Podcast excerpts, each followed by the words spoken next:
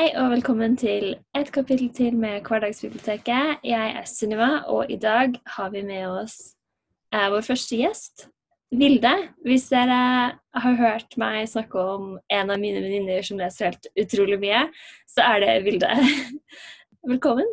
Tusen takk. Veldig artig å få være med. Ja, eh, Vil du fortelle litt om hvem du er? Om meg sjøl. Navnet er som sagt Vilde, og jeg jobber som bibliotekar ved Nasjonalbiblioteket. Og jeg gikk ut med master i fjor, dvs. Si i 2019. Så jeg er relativt nyutdanna, hvis du fremdeles kan kalle det for nyutdanna. Og så har jeg til sammen fem år utdannelse i bibliotek og informasjonsvitenskap bak meg. Ja, Så når var det du starta jobben din? Starta i begynnelsen av januar i år. Så Ja. ganske nylig begynt, da. Men du trives? Veldig godt. Ja. Så hva ser en typisk dag ut eh, for deg på jobb? Ja, vi må kanskje dele det litt i to, da, med tanke på koronasituasjonen som er nå. Um, Ja. for før korona kom, så gikk jo jeg på jobb, men nå har jeg jo hjemmekontor. Men det er ganske mye det samme som skjer både før og etter korona, men det er jo litt sånn annerledes i hva vi jobber med. fordi før korona så snakka jeg jobba med både trygt og elektronisk material, mens nå så jobber jeg jo bare med elektronisk fordi jeg, vi har ikke mulighet til å få med oss det trykste hjem til å jobbe med det. ja, det er klart. Mm. Um, men em, sitter du mest på kontor, liksom, når du er på jobb, Ja. eller? Ja. Mest kontorarbeid. Ja. Litt møter, men det er mest å sitte og katalogisere og klassifisere eh, materialet vårt. da. Ja. Og um, hva er det du liker best ved jobben din, og hva er det du liker minst? Det er vanskelig å si, fordi jeg har ikke kommet så langt inn i det. Jeg føler fremdeles jeg har en slags forelskelse over å være oppe i en jobb og ha fått en jobb. At alt er nytt og spennende. ja. Men eh, jeg har jo merka meg at det er en type material, eh, hva skal jeg si, sjanger, som jeg på en måte ikke er så veldig begeistra for. Og det er menighetsblad. Det er veldig menighetsblad, og de endrer navn, og så må vi oppdatere de bibliografiske metadataene om det og lage ny post og fortsettelse. Og, ja. og så ble det jo bare enda mer i forbindelse med region- og kommune, kommunesammenslåingene nå, da. Ja, selvfølgelig. Mm. Ja. Em, men eh, du jobber jo for Nasjonalbiblioteket. Ja. Så hvordan ville du sagt at det er forskjellig fra å jobbe i et um, fylkesbibliotek eller et kommunebibliotek, eller hva man kaller det? Folkebibliotek. Um, Nasjonalbiblioteket er jo på en måte biblioteket for alle folkebibliotek, og til dels for det vi kaller UH-bibliotekene, altså universitet- og høgskolebibliotekene som eh, studenter mest sannsynlig er ganske kjent med. Nasjonalbiblioteket er jo på en måte en av pilarene som virksomheten bygges på, er jo pliktavleveringsloven, som sier at utgivere er pliktige til å levere inn antall eksemplarer til Nasjonalbiblioteket for eh, bevaring. Den, den tanken om at vi skal bevare den kulturarven vi har i Norge. Og det er jo sånn at det er satt en grense på alt som er på en måte gjort allment tilgjengelig, er det som faller under den pliktavleveringsloven. da. Så da er det jo minimum tre eksemplarer, tror jeg. Og da er det jo sånn at én går til publikum, én går til publikumsavdelinga, som er Nasjonalbiblioteket i Oslo. Og så har vi én som går til det vi kaller Depotbiblioteket. Og det er den samlinga som er tilgjengeliggjort for fjernlån, bestillinger, som viser at hvis du går på et folkebibliotek og har lyst til å låne bok, men biblioteket ditt ikke har boka, så er det mulig for dem å fjerne boka fra Nasjonalbiblioteket, og da går det fra depotsamlinga. Og så har vi den siste samlinga, som er bevaringssamlinga. Og det er jo der alt som på en måte sendes inn i Fjellmagasinet for bevaring, havner i den samlinga, da.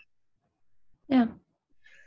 Så det, Så det er jo et stort og viktig arbeid, da. Men det blir jo sånn, kommer vel an på hvor du er i MB, for det er jo noen avdelinger som jobber med den aktive formidlinga. Um, kontakt med lånerne, som er ganske klassisk for de andre bibliotekene. Du møter lånerne mye mer. mens min stilling så har jeg jo veldig lite med lånerne, for jeg sitter jo mer med jeg jobber jo mer med de bibliografiske dataene som vises på materialet vårt. Hvis du søker det opp i eh, søketjenesten vår, Oria, så ser du jo litt sånn bibliografiske data på det. Og det er jo sånn vi har lagt inn, da. Så vi har ja. kanskje ikke så mye kontakt med lånere som er den normen for, for biblioteksektoren, da, eller det du på en måte ser mest av sektoren. Ja, jeg tenker jo sånn typisk bibliotekar, bibliotekar er jo sånn hun som står og rydder i hyllene, liksom. Men uh, det er jo selvfølgelig ja. veldig mye mer som skal inn. Så jeg syns ja. det er veldig interessant å snakke med deg, fordi du har lært meg så mye om um, ja, det større arbeidet som går bak liksom Holmestrand bibliotek, mm. det jeg ser der. Det er jo ganske lite. Mm. Så hva var det som gjorde at du ville bli bibliotekar, da? Føler du alltid spør meg det spørsmålet. Uh, og det er jo alltid et spørsmål jeg også, kanskje har fått av andre også. Hvorfor bibliotekar? Det er liksom av alle yrker. Så er det kanskje Det er jo kanskje ikke et yrke du velger når du er såpass ung. For vårt kull var jo gjennomsnittsalderen var jo sånn slutten av 20-åra, begynnelsen av 30-åra, og så kommer jeg der inn. Uh, ikke rett fra videregående, men ett år etter videregående og søker på den utdanninga. Så det er liksom det er ikke den mest normale arbeidsgruppa som på en måte Ja, det er yrket for meg. Men det er heller ikke en sånn spesifikk øyeblikk eller opplevelse som liksom har gjort at jeg har tenkt at jeg skal bli bibliotekar. Det har bare vært en sånn gradvis tanke om at det her er et valg jeg har jo vokst opp med ukentlige turer til biblioteket og brukt biblioteket liksom gjennom hele livet. Så det, liksom, det, har alltid vært en veldig, veldig hva skal jeg si, synlig institusjon og profesjon for meg. Så det blir sånn Det var bare veldig naturlig at det her var noe jeg har lyst til å bli. Ja, fordi du er så glad i mm. biblioteket? Ja. Ja, Og det er jo koselig, da. Det er jo mm. Ja, fordi når jeg på en måte tenkte hva kan jeg jobbe med som har med bøker å gjøre, så tenkte jeg egentlig aldri over å bli bibliotekar. Så jeg syns det er litt interessant. Um, men du sa jo um, at uh, du var ganske ung i forhold til kullet ditt ja. på studiet. Betyr det at uh, veldig mange på en måte tar sånn etterutdanning, eller kan man begynne som bibliotekar uten å ha studert? Eh, du må vel ha den generelle studiekompetansen for å komme inn. Men Uansett hvilken stilling du har? Ja, eller tenker du sånn yrke, eller tenker du sånn utdanning nå? Eh, jeg tenker vel kanskje yrke. Altså, jeg vet jo at ja. hvis du jobber i Det er veldig mange yrker hvor du liksom kan få deg en jobb, og så ja. mm. på en måte starte fra bånn og så jobbe deg oppover. Uten at du mm. trenger å ha et Mm, jeg skjønner hva du mener. Nei, jeg vil si nei ærlig. At du trenger ikke å ha bibliotekarutdanninga for å være bibliotekar. Men det gjelder også samtidig med UH-bibliotekene og de store folkebibliotekene. For da har du rom til å ha en sammensetning som har både den bibliotekfaglige utdannelsen og folk som på en måte kommer inn med andre utdannelser som eh, sosialarbeider, litteraturviter, lignende utdanninger som på en måte kanskje kommer med andre perspektiv og andre innspill til hvordan man kan løfte folkebiblioteket opp, da, eller um, har faglig konsensus som på en måte er hjelpsomt i UH-bibliotek. Ofte så kan du på en måte gå inn i en spesifikk uh, si, yrkestittel som ofte står på utlysningene. Det er vel universitetsbibliotekar, men da er det ofte sånn at du har master- eller doktorgrad i et eller annet fag så kan du søke deg til det, og så kan du på en måte få på sida eller ta en årsstudium i bibliotekar for å få liksom, for da er det på en måte en, det vi kaller fagbibliotekar, at du kan faget, og så kan du litt det bibliotekfaglige. Men du har ikke tatt en ren bibliotekfaglig utdannelse, hvis det gir mening. Ja. Um, Mm. Ja, det er litt interessant, fordi du gikk jo rett inn på en master, så du var liksom veldig klar for å ha utdanninga si og sånn. Men det er ikke alle som har lyst til å ta en utdanning, men heller lære på jobb. Så Mm. det er jo interessant å vite at man kan gå begge veier. Ja. Og så vil jeg jo si at egentlig så holder jo Eli med å ta bacheloren. De fleste av Ja. dem som var på mitt kull, gikk jo rett ut med bachelor, og det var veldig få som gikk videre med master. Men så var det liksom ja, ikke helt ferdig med å være student, så det var bare sånn Nei, kjøre videre på med master og sånt. Um, så det Uh, Men det er jo litt sånn Men jeg ser jo sånn når jeg har søkt jobb, at uh, sektoren har jo på en måte blitt mer bevisst på at det er masterutdannelse i, i fagfeltet. Så det er jo ja. hva skal jeg si, noen plasser der du ser faktisk kravet om master kommer opp, men som inntrykksmessig så ligger kravet enten på bachelorstudiet eller minimum ett år med bibliotek- og informasjonsvitenskap i fagkretsen. Ja. Um, så hvis du ser tilbake på studiene dine, um, hva er det du tenker liksom var skikkelig bra med det? Er det noe du ville gjort annerledes? Hva er litt sånn Hvis du reflekterer litt tilbake, hva tenker du da?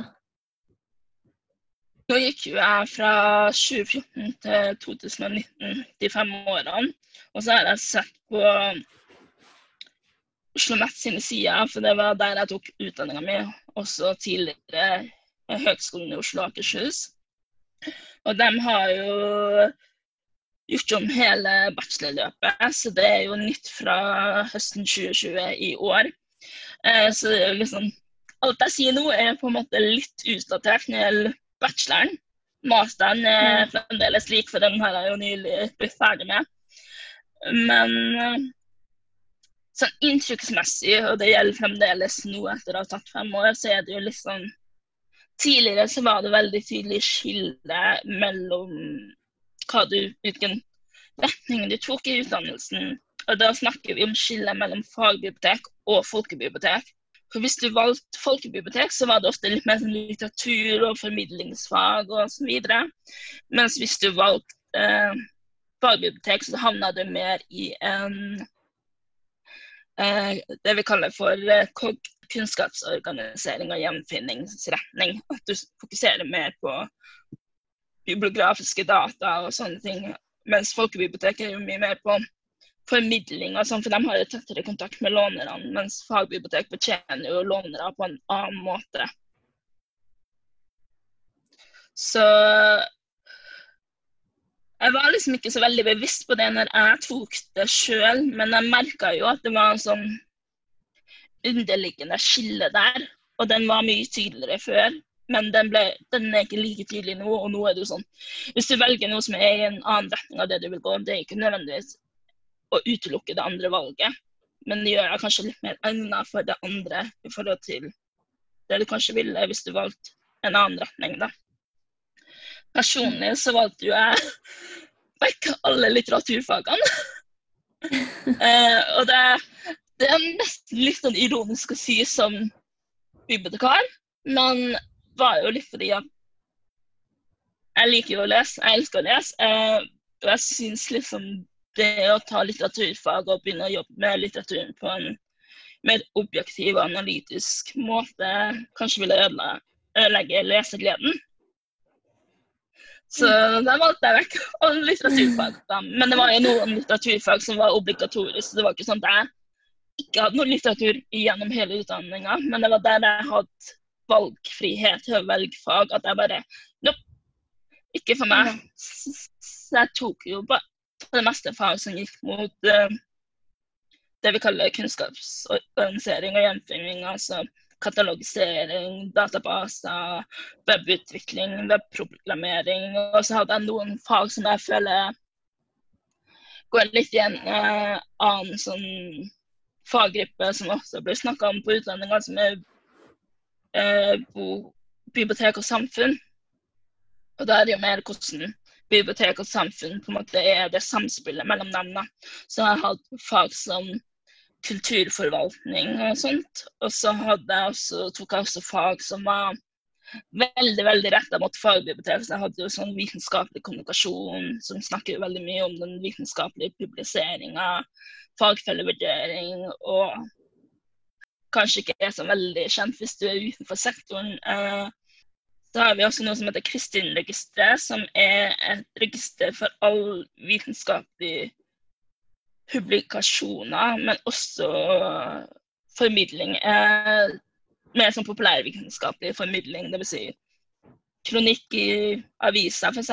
Det regnes som vitenskapelig formidling. Men det er jo også eh, rangert på forskjellige nivåer, så det er jo også litt sånn du lærer, da.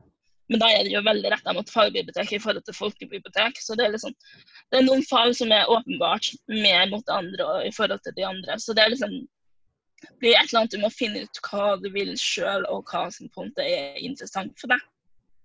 Ja.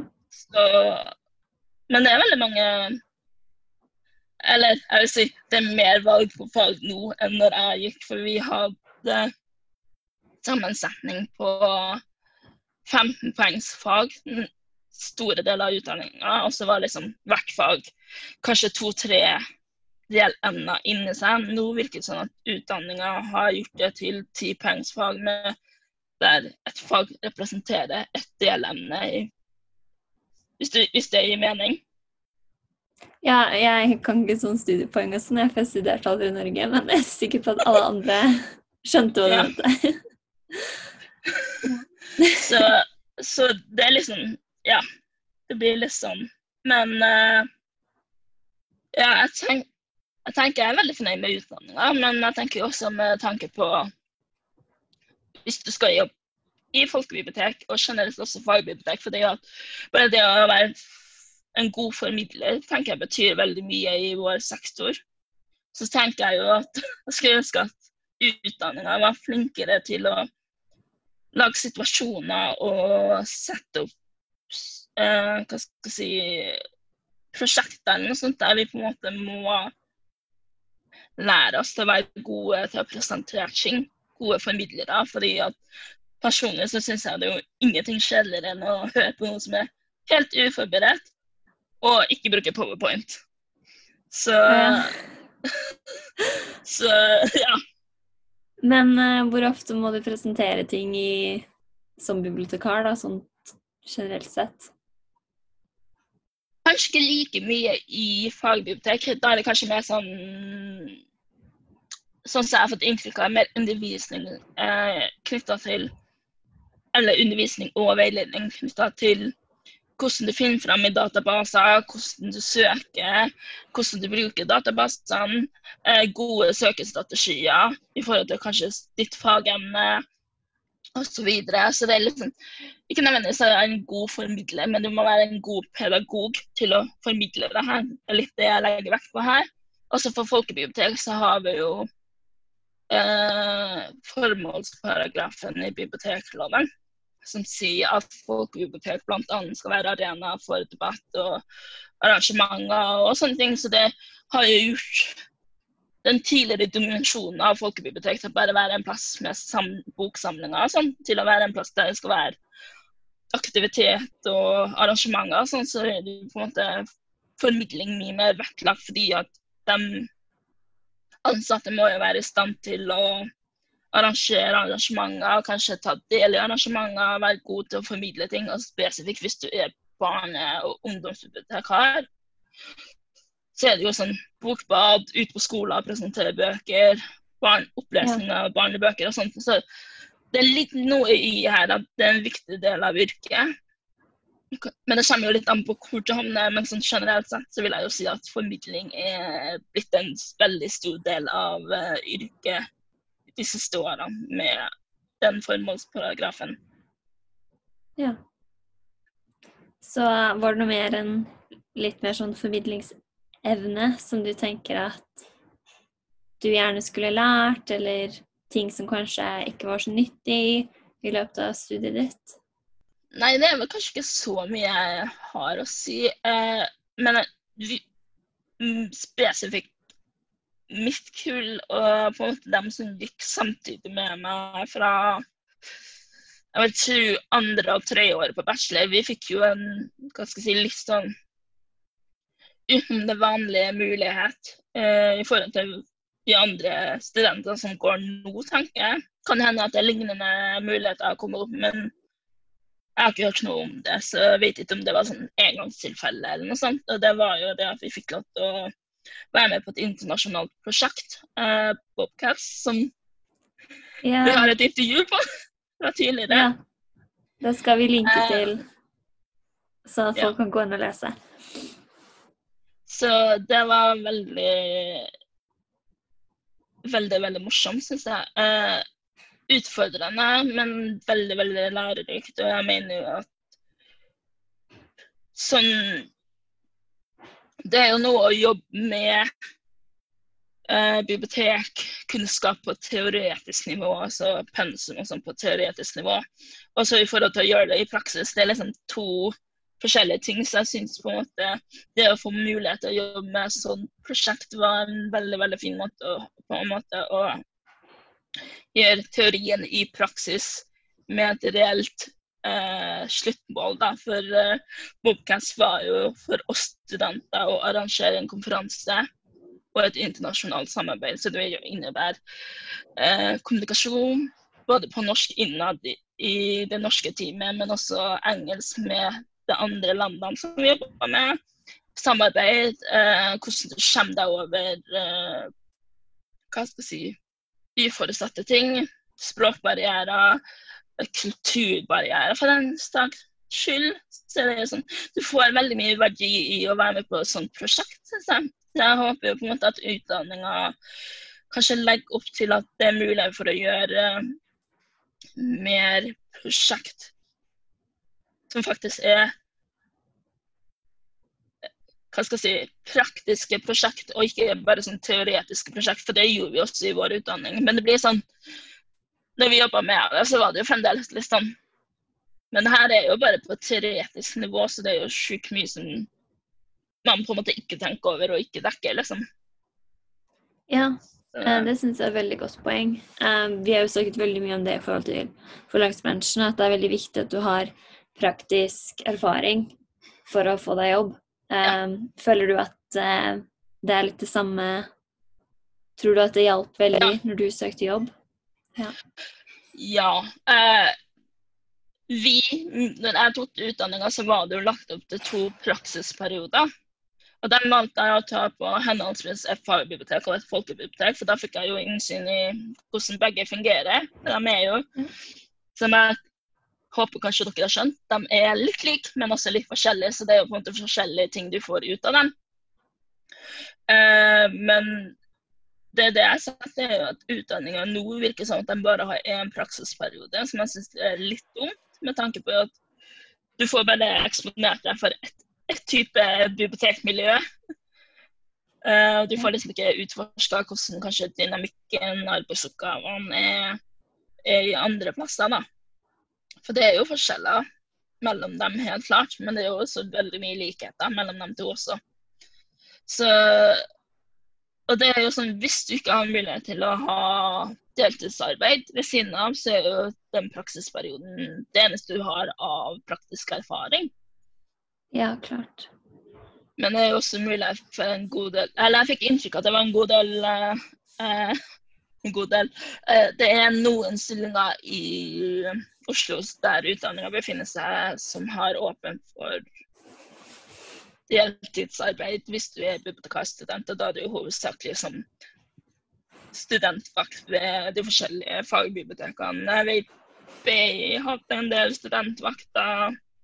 Så er det kanskje sånn tilkallingsvakt på Deichman, men Deichman det er ganske vanskelig å komme seg inn på. Så du må liksom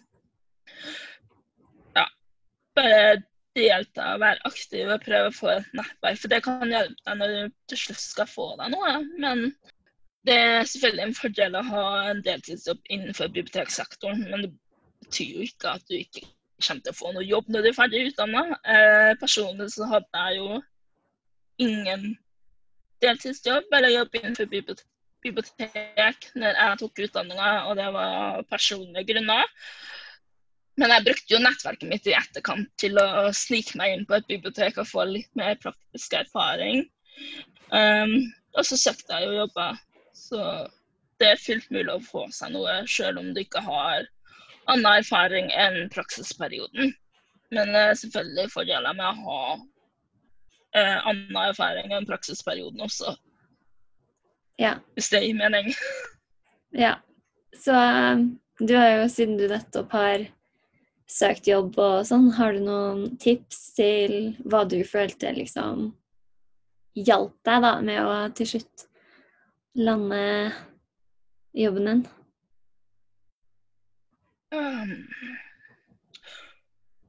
det blir kanskje vanskeligere nå med tanke på koronasituasjonen. Eh, jeg merker at det er jobbutlysninger på stillinger i biblioteksektoren er veldig hva skal jeg si, uregelmessig. Det skjer i veldig bølger og veldig sånn uforutsigbart. Så jeg tenker jo det også har en hva skal jeg si, naturlig sammenheng med at kanskje det er noen som slutter på jobben, og de må fylle opp, finne noen andre til å erstatte den personen.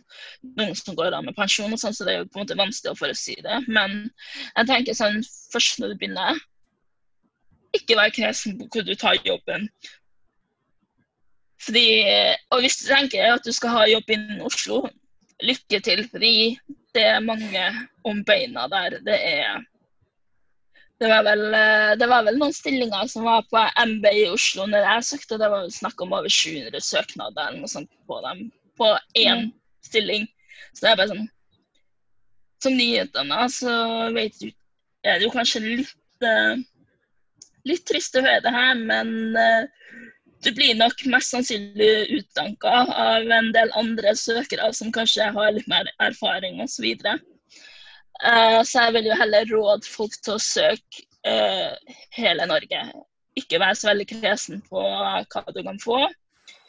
Ideelt sett så er det jo beste hvis du kan få en fast jobb uh, eller vikariat med 100 stilling.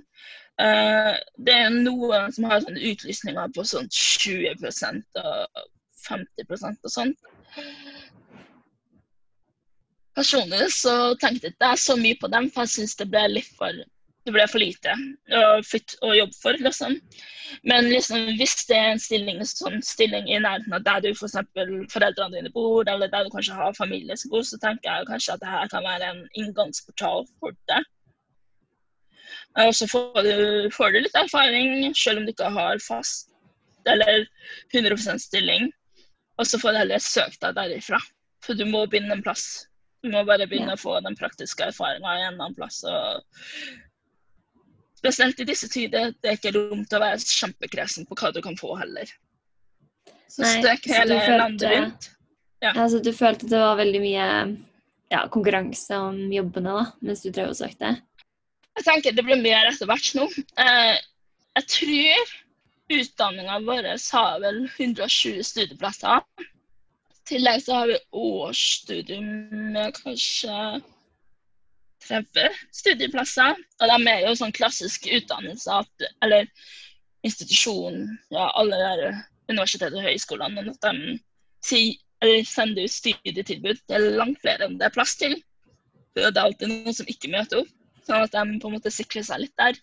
Så vårt kull i begynnelsen var jo vi var for mange til det var plass i forelesningsrommene våre. Så det var jo helt sjukt å se på det. Men det var jo såpass mange som datt av underveis at det var jo på en måte også på sin plass å gjøre det på den måten.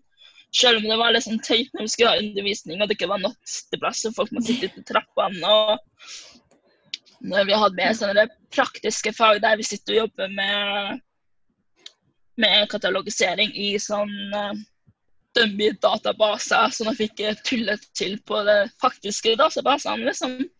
Så var det jo ikke nok PC-er til at alle kunne sitte og gjøre de forskjellige øvelsene og utføre det her arbeidet. Så det var jo, det var jo ikke akkurat helt bra, men samtidig så ble det sånn Det ordna seg opp på et vis, men det var jo litt sånn sært. Så jeg tenker jo ut ifra at det er såpass mange som på en måte søker seg til studiet, men jeg tror ikke det er så mange som fullfører, faktisk. Så er det jo en del Det vil jo alltid være nye, nye konkurrenter hvis du ikke får deg noe. på en måte må begynne en plass og få deg jobb deg oppover. Så er jo ikke sektoren så liten heller, så du vil jo fortsatt merke at hvis du først har begynt å etablere deg, eller hvis du får kontakt med noen, så er det sånn ofte sånn at de vet om hverandre. Jeg fikk jo, Som sagt så brukte jeg jo litt mitt nettverk eh, når jeg var ferdig med utdannelsen, til å få litt mer erfaring. og Det var jo et folkebibliotek, og det viste seg at ja, de har jo kontroll på liksom, resten av folkebibliotekene i det fylket. Liksom, for det er jo ofte mye samarbeid innad i fylket og sånne ting. så det er sånn, Bare at du eksponerer deg sjøl, kanskje bare stikker om en lokal folkebibliotek og spør om du kanskje kunne få lov til å jobbe noen timer uten betaling, bare for å få erfaring.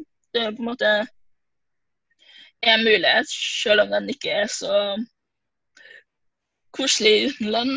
Men hvis du ja. står helt på bar bakke, så tenker jeg at det er bedre å være aktiv, proaktiv og vise at du har litt guts til å ta initiativ og få mer relevant erfaring. For det viser seg at du vil ha det på CV-en, og du kan jo bruke dem her som referansepersoner.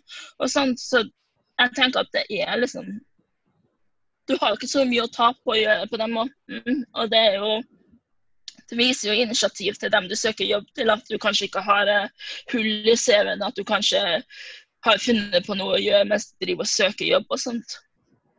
Ja, altså vi har jo snakket mye om at uh, man kan bygge seg opp mye erfaring som student. Og det er kanskje lettere å på en måte ta på seg en ubetalt um, praksisplass, selv om det selvfølgelig er kjipt å jobbe utenland. Men hvis det er det man føler man liksom må gjøre for å kunne få seg en mm. jobb, så er det kanskje greiere å gjøre det som student enn å gjøre det etter du er ferdig og egentlig sitter og bare taper penger på det, liksom. Mm. Eller hvis du er heldig nok til å ha foreldre eller familie som på en måte kan støtte opp deg mens du er oppe i den kjipe perioden med å søke jobb, så er det jo på en måte Jeg bare sier ikke takk nei til hjelp eller noe sånt, fordi det er så greit å ha det. og jeg tenker Ja. Kjøp noe ekstra fint til familien eller eh, foreldrene dine i etterkant som takk for at de har holdt ut med deg når du holder på å bli gal av å søke jobb også. For det er jo helt forferdelig å sitte der og søke jobb, og om du får noe respons på søknadene, eller om du blir innkalt til intervju eller ikke. Ja. Men og det, går veldig i bølger. Hm? Ja, men det tok jo ikke sånn fryktelig lang tid for deg, da. Når du, du fikk jo jobb sånn relativt fort, gjorde du ikke det? Ja, jeg har jobbtilbud i november. Og jeg leverte jo oppgaven i juni, var det vel. Og så ble den på en måte sånn formelt godkjent i, på høsten, sånn type august. da. Så det tok jo egentlig ikke så lang tid. Men så gjorde jeg jo også et valg eh, når jeg tok masteren. Eh, når jeg satt i sluttfasen og skrev den masteroppgaven, som også var et stort prosjekt i seg sjøl at jeg ikke skulle sitte og søke jobb mens jeg sitter og skriver den oppgaven. Når jeg skulle bli ferdig med den oppgaven, så skal jeg begynne å søke jobb. Og det Jeg vet ikke helt om det var et godt valg, men jeg fikk jo en jobb jeg hadde lyst på, så det ordna seg for meg. Men sånn generelt sett så tenker jeg at hvis du har mulighet og du klarer det, så tenker jeg at det er smart å søke jobb mens du tar utdanninga, spesifikt hvis du er på sluttkanten av utdanninga. Ja. Uh, så for meg reelt sett så tror jeg jeg begynte å søke jobb rett etter masteroppgaven var levert inn. Så begynte jeg å søke jobb, men det var jo begynnelsen av sommerferien, eh, fellesferien, begynte med å avvikle den, så det var jo så å si nesten ingen utlysninger i en god, uh, god måned. Altså, de fleste ja. kom vel sånn i slutten av august, eh, begynnelsen av september. Så kutter vi ut. Jeg skal bare for jeg har skrevet opp en statistikk på hvor mange søknader jeg har sendt ut, og hva jeg ble innkalt til intervju til og sånt. Så min jobbsøkerperiode var jo fra juli til november. Og i løpet av den perioden skal jeg bare si jeg bestemte meg for å være kresen, for jeg tenkte også at i og med at jeg er master, så er jeg på en måte litt Vet ikke om det er kjempesnilt å si det, men du er litt mer kvalifisert enn dem som bare går rundt med bachelor. Uh, så jeg tok meg rom til å være litt kresen på hva jeg skulle søke på, også av personlige grunner. Så i løpet av juli-november så sendte jeg ut 13 søknader. Eh, og ut av dem så tror jeg skal vi se, Jeg er litt usikker på hvordan jeg skrev opp den statistikken. Uh, så jeg, var det bare fem av dem som gikk gjennom Fem eller seks av dem som gikk gjennom liksom, etter en søknadsprosess. For resten måtte jeg trekke, for jeg har fått jobbtilbud. Så jeg vet ikke helt om jeg har blitt innkalt til intervju eller ikke.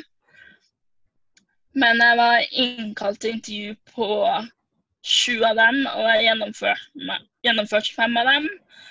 Uh, de to siste der trakk, uh, gjennomførte jeg ikke pga. at jeg trakk meg fra, dem, fra uh, søknadsprosessen pga. at jeg fikk et jobbtilbud på bordet. Uh, så det var jo fem intervjuer jeg var igjennom. jeg sier jo også igjen at få deg noen gode venner i løpet av studiet som du kan sitte og øve deg på jobbintervju med og være støttende. Det, jeg brukte jo dem jeg hadde som på en måte har vært i prosessen og har fått jobb til å bare øve meg på å ha jobbintervju. For det er en slags tankegang i hele prosessen også, at du må liksom sette deg inn, du må liksom bli god på å snakke på en jobbintervjumåte. Ja. Hvis det gir mening. Det er liksom en spesiell ja. måte du på en måte fremmer deg sjøl og sånt. Så Nei, så det gikk jo greit. Eh, jeg vet jo ikke helt resultatene på alle. Eh, jeg vet at ja, av dem fikk, så fikk jeg jo jobbtilbud på én av fem, men på en av de andre så var jeg også innstilt som nummer to på dem. Og så de tre andre vet jo ikke jeg hvordan jeg lå an, fordi jeg, jeg fikk jo bare den e-posten. Ja, vi har ansatt noen. Takk for at ja. du søkte. Så ja. Men uh, det er jo bra å komme til intervju, da. Ja. Det er så kanskje, bra, tenker mm.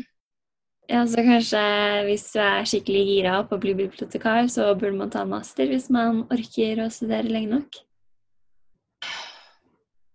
Mer, men da blir det også litt mer relevant for fagbibliotek, og det var jo mest det jeg søkte også. Ja. Mm. Så, mm, for da er det ofte litt høyere opp. Eh, så hvis du skal ta folkebibliotek, så tenker jeg at uh, det holder med bachelor, men det er, det er jo mulighet for å få, få uh, jobb når du har master også. Um, men uh, de fleste som jobber i folkebibliotek, hører jeg liksom ha, de har liksom bare bacheloren. Det er liksom ikke så mange med master der, så jeg føler liksom hvis du i det hele tatt skal ha master For det blir jo også litt sånn hva skal jeg si Du går jo litt opp på lønnsstigen hvis du har master. Jo mer formell utdanning, ja, jo høyere opp på lønnsstigen eh, har du som utgangspunkt. Så jeg tenker liksom, Hvis du tenker på master, men du er fast bestemt på å ta og jobbe i folkebibliotek, så tenker jeg at prøv å få deg en jobb innen folkebibliotek først, og så kan du tenke på masteren. Tenk å kanskje jobbe, kanskje betale litt av den utdannelsen på at du videreutdanner deg. Eh, for det var ei som jeg gikk med. Nå er jo også kullene i masteren er veldig annerledes enn bachelor, for bachelor er jo én, to, tre år. Masteren er jo både fulltid, deltid, eh, pauser innimellom. Så liksom, du vet aldri helt hvor folk ligger i løpet. Så du møter jo folk som er kanskje halvveis, kanskje ikke helt der du er, og sånne ting. Så det er veldig variabelt. Men det var ei som uh, hadde jobba i uh, folkebibliotek som tok masteren og, og jobber fremdeles i folkebibliotek. Men hun hadde jo såpass høy stilling på det utgangspunktet sitt, og så blir det jo bare høyere på neste utgangspunkt. Så lønna reflekterer jo det litt, da, men jeg tenker ja. Hvis du vil jobbe i folkebibliotek og ha en master, så må du bare argumentere godt for hvorfor biblioteket er, eller det spesifikke biblioteket du søker på, er aktuelt for deg. Hvorfor du er aktuell for dem, selv om du har høyere utdanning. Det er jo det er vel den klassiske, uh, klassiske spørsmålene i forbindelse med jobbsøkeprosessen. Ja, hvorfor vil du jobbe her når du kanskje kvalifiserer for høyere? Blir du ikke Syns du ikke det kanskje blir litt lite utfordringer og sånne ting? Så det bare det at du må argumentere godt for at det her er det riktige du må bare selge deg inn bra. Ja. Det er jo det man må gjøre på alle jobbintervju. Ja. Så det er jo Nei, det er vanskelig å vite hvordan det går også. Men, men sånn inntrykksmessig så er det jo veldig ryddige forhold i, i, i biblioteksektoren. Enten så er du offentlig, eller så er du offentlig. Eh, det, er no, det er vel noe, noe som er i private stillinger, men liksom, en god del av det ligger jo i det offentlige. Og grunnen til at jeg bomma litt på offentlig og offentlig, er fordi at jeg også tenker skillene i offentlig fordi at du har statlig, vil si jeg jobber statlig pga. at Nasjonalbiblioteket er en statlig institusjon. Um, hvis du jobber i fagbibliotek, som ofte er under universitet og høgskole, det er også statlig, for det er jo eh, på en måte eid av staten. Men så har du også det andre to andre offentlige som er sånn fylke og kommunalt. da, For det, det er jo fylket som eier fylkesbibliotekene, kommunene som eier folkebibliotekene. Så det er liksom forskjellige nivåer innenfor det offentlige også. Men generelt sett er ting veldig veldig ryddig når du søker jobb innenfor, de, innenfor det offentlige. Ja, så bra. Mm. Er det noe mer du har lyst til å legge til helt på slutten, eller litt om oppgavene du skrev sånn helt på slutten? Som sagt så har jeg retta meg veldig mot kunnskap, organisering og gjenfinning. Ironisk nok så er jo ingen av oppgavene mine veldig KG-relatert. Eh, det er mer sånn bibliotek- og samfunnsoppgaver. Eh, den første er jo bacheloren, som jeg skrev med en av mine medstudenter. Tips til dere som har lyst til å bli bibliotekarer. Du trenger ikke å skrive oppgavene dine alene, du kan skrive det med noen andre. Og begge oppgavene mine handler om e-bøker i folkebibliotek. Så bacheloren eh, den gikk ut på at vi så på debatten rundt e-bøker i folkebibliotek i Norge. Sammenligna den debatten med Sverige og Danmark sin. De, og det er kanskje liten nyhet for de fleste, er at eh, vi var sistemann ut med det i, i biblioteksektoren. Vi kom sist ut. Samtidig så kunne jo vi også se på hvordan det gikk i Sverige og Danmark. Og det var litt av en, en berg-og-dal-bane der. Eh, veldig mye konflikter. Mye mer enn det jeg vil si jeg ser i, i det norske.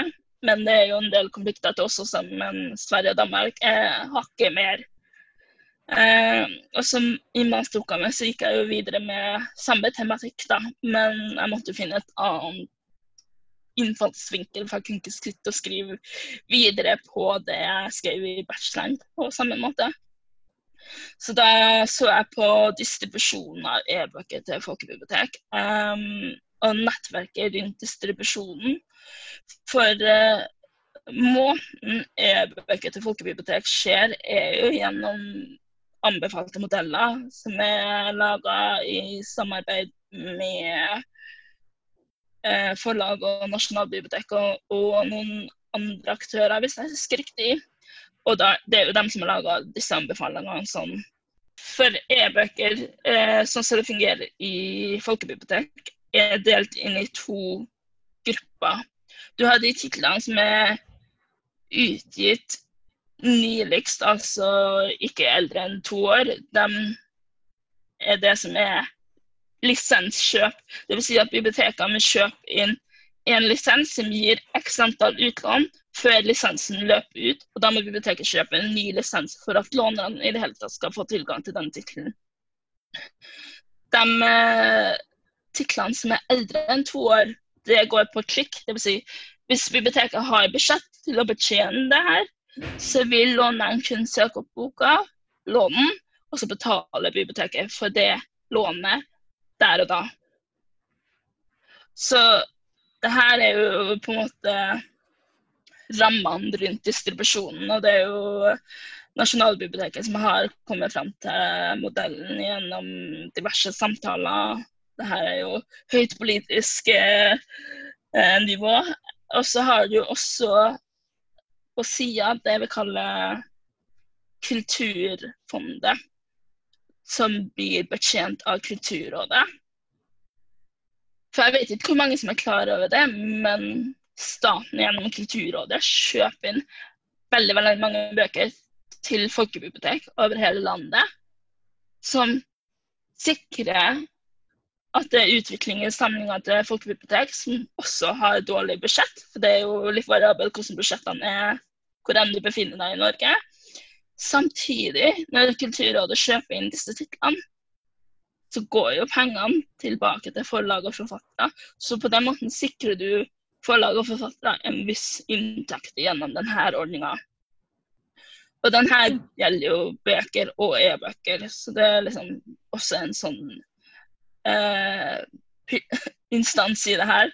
Og så har du også distributørene. Nå har vi jo bare to stykker eh, som også kan ses på appene som blir eh, som er hva si, tilgjengelige på markedet. Du har eh, Bookbite, som de fleste kanskje kjenner best til, fordi alle utenom Rogaland og Oslo har tilgang til den appen. Med mindre du klarer å få lånekortet ditt eh, registrert på flere bibliotek enn eh, hjembyen din. Intinkt.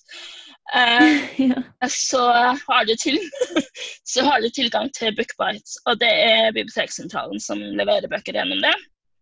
Og så har du Bokbasen, som er en annen aktør som har Oldbox med det som Rogaland og Oslo har. Så da så jeg jo på liksom disse, disse aktørene sin rolle i, i, distribusjonen, og så snakka jeg jo med en del folkebibliotek. Eh, hovedsakelig var jeg på fylkesnivå i og med at eh, innkjøp av e-bøker foregår hovedsakelig på fylkesnivå i konsortium, altså ta, ta um, Trøndelag, da, så har vi jo alle bibliotekene i Trøndelag. Under Trøndelag fylkesbibliotek, et konsortium. Og det vil si i et konsortium, sånn som Trøndelag fylkesbibliotek fungerer, så er det sånn at all innkjøp det konsortiet gjør, er tilgjengelig for alle innbyggere i Trøndelag som har lånekortet sitt registrert på et uh, folkebibliotek i Trøndelag. Så du vil få tilgang til alle, alle bøkene. Det er ikke noe sånn skiller fra kommune til kommune. Her er det på fylkesnivå. Og det er derfor jeg sier hvis du har lånekortet ditt registrert på eh, folkebibliotek i flere fylker, så vil det si at du har tilgang til flere fylker. Og ja. ganske sannsynlig større utvalg. Kanskje også at eh, det er kortere ventetid pga. at du kan velge hvilke bibliotek du vil låne på. Sånn kanskje ett fylke er en tittel veldig populær, og et annet er den helt uinteressant for innbyggerne. Eh, men jeg har jo merka i disse tider at eh, disse appene har blitt veldig mye mer brukt enn det det har vært til normalen.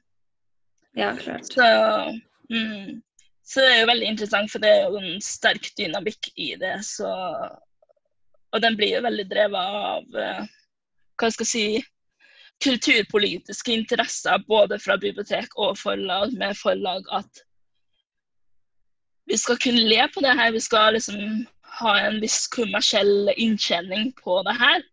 Eh, samtidig så er jo også bibliotekene på, det, på oppdraget med å tilgjengeliggjøre eh, ja, litteratur for innbyggerne. Så det er, liksom, det er sterke dragninger i det her, så jeg vil jo si at alt rundt det, det, digitale tilbudet er egentlig veldig kulturpolitisk aktuelt. Og det har jo ikke blitt mindre med tanke på e-lydbøker, som også var noe jeg kom inn på i oppgaven pga. at utlandet skjer jo gjennom de samme kanalene, eller distribusjonen skjer jo gjennom de samme kanalene som e-bøker er. Så jeg kom liksom ikke unna e-lydbøker i det hele tatt. Men der er jo ja, Hvis vi tenker at debatten og kampen rundt e-bøker var hard, så er jo e-lydbøker ti ganger hardere. Ja. Der er de veldig, veldig, veldig mye konflikter, som jeg ser det. Og det er jo ikke mange som har gjort e-lydbøker tilgjengelig til bibliotekene og så videre. Jeg vet ja. ikke om du har testa e-lydbøker på Bookbite? Nei, ikke ennå. Jeg har ikke funnet noen Jeg har jo Storytell, så ja. jeg hører jo mye, mye der. Men jeg syns det er veldig interessant det du sier, for det er jo mange som har snakket nå i det siste om at um, fordi vi ikke kan låne fysiske bøker på bibliotekene, og at det er lettere å liksom, kjøpe en e-bok enn å dra til en bokhandel nå, at uh, salget av e-bøker har jo gått veldig opp, og at det kanskje vil fortsette å gå opp etter at liksom, samfunnet åpner igjen, og at vi på en måte har fått modernisert eh, boksamfunnet i Norge litt nå. Og at det her liksom har vært en sånn turning point. Så det blir spennende å se hvordan det kommer til å gå over de neste årene. Ja, apropos disse tider. Du har jo spurt meg litt om tilbudet. Det har jo vært Det er jo litt sånn rart, men så å si alle bibliotekene har vært stengt. Det vil også faktisk inkludere Depotbiblioteket til Nasjonalbiblioteket. Det har vært stengt det også pga. bibliotekene har ikke vært åpne til å få bøker tilsendt til seg og motta det, så det har jo, vi har jo bare stengt det ned. Og i forbindelse med situasjonen sånn som det er nå, så har jo også Kulturdepartementet og MB snakka sammen, så det er jo gitt betydelig sum til å øke tilbudet i det digitale tilbudet til bibliotekene. Altså, det er Ifølge pressemeldinga så er det jo Regjeringa har bevilga 5 millioner kroner til digital formidling i folkebibliotek. Og 20 millioner kroner til innkjøp av e-bøker til folkebibliotek. Så det er Jeg må bare si at vi som jobber i biblioteksektoren, uansett hvor stor og liten del vi har i det, det er jo tenker jo at hver enkelt av oss har jo på en måte gjort en del for å få et eller annet form for tilbud ut til befolkninga i disse tider, selv om det meste er digitalt. Og så er det jo noen som har åpna for takeaway, såkalt takeaway-utlån og sånt. Ja. Som du kanskje hadde ønska deg, Sinova? Ja. det hadde vært noe. Får håpe det kommer noe etter hvert. Nå som ting begynner å åpne igjen. Kanskje bibliotekene begynner å åpne igjen. Ja, det håper jeg. Jeg vet ikke så mye mer om det. Nei, jeg har jo nytt godt over at uh, det digitale tilbudet har økt. Det blir jo en del ekstra e-bøker og sånt på meg. Jeg har jo hovedsakelig brukt um, en tjeneste ikke jeg nevnt, noe som heter Libby eller Overdrive. Uh, og det er litt fordi at den er litt sånn Jeg tenker at grunnen til at jeg ikke skal flagge den altfor høy, er fordi at den er har, den er såpass begrensa og låst til et visst utvalg av befolkninga. Så hvis du har lånekortet ditt registrert på Sølvberget eller Deichman, så får du tilgang til det. Men hvis du ikke har det, så kan du, hvis du er snar, jeg er litt usikker på hvor lenge det her, de kommer til å åpne for det, så kan du sende en e-post til disse bibliotekene og spørre om du kan få kortet ditt registrert. For da får du tilgang til det. Men sånn i etterkant så er det mulig at den tilgangen forsvinner litt. fordi at det er også krav at du ellers skal møte opp fysisk på et bibliotek for å få legitimert deg når du blir registrert som låner spesifikt med disse lånekortene. For det er jo nasjonale lånekort som er knytta til som oftest fødselsnumrene dine. Så det er jo på en måte litt personlig lånekort. Ja, men eh, det var jo et godt tips å avslutte på. Um, sånn helt før vi sier takk for oss, kan du fortelle litt om én, bare én av bøkene du leste akkurat nå? bare én, ja. Akkurat nå skifter jeg jo mellom to, så jeg kan velge én av de to jeg leste. Og det er 'Caliban's War' av James S.R. Corey. Eh, andre boka i The Expanse-serien, eh, en sci-fi-serie som også er TV-serie nå på Amazon Prime, tror jeg. Den var tidligere tilgjengelig på Netflix før de eh, bestemte seg for å gi opp serien. Og så ble, tok Amazon opp den, så noen på Prime så har ikke sett det siste. Men jeg syns den er veldig, veldig underholdende. En veldig, veldig god sci-fi-bok. Eh, veldig, veldig tilgjengelig. Den er ikke sånn um, hva skal jeg si, for komplisert som noen sci-fi-bøker kan være. Den er veldig veldig lettlest og veldig tilgjengelig, så jeg syns den er veldig underholdende. Jeg ga faktisk første boka til eh, søskenbarnet mitt i julegave, og han var veldig fornøyd med den, tror jeg. Så jeg fikk noen andre på den serien. Så det mm. Ja, kanskje du har fått et par andre på serien nå? Hva du sa At det kan hende det er noen andre også som plukker den opp nå? Ja, kanskje det. Kanskje det. Eller om ikke serien, TV-serien, den også er veldig bra. Ja. Veldig bra. Mm. Så fint. Eh, tusen takk for at du ville være med. Eh, synes Takk for at jeg fikk være med. Ja. Hva var det siste du sa? Vi må kanskje ta det på nytt. Um, men tusen takk for at du ville være med. Jeg syns det var kjempeinteressant å høre på.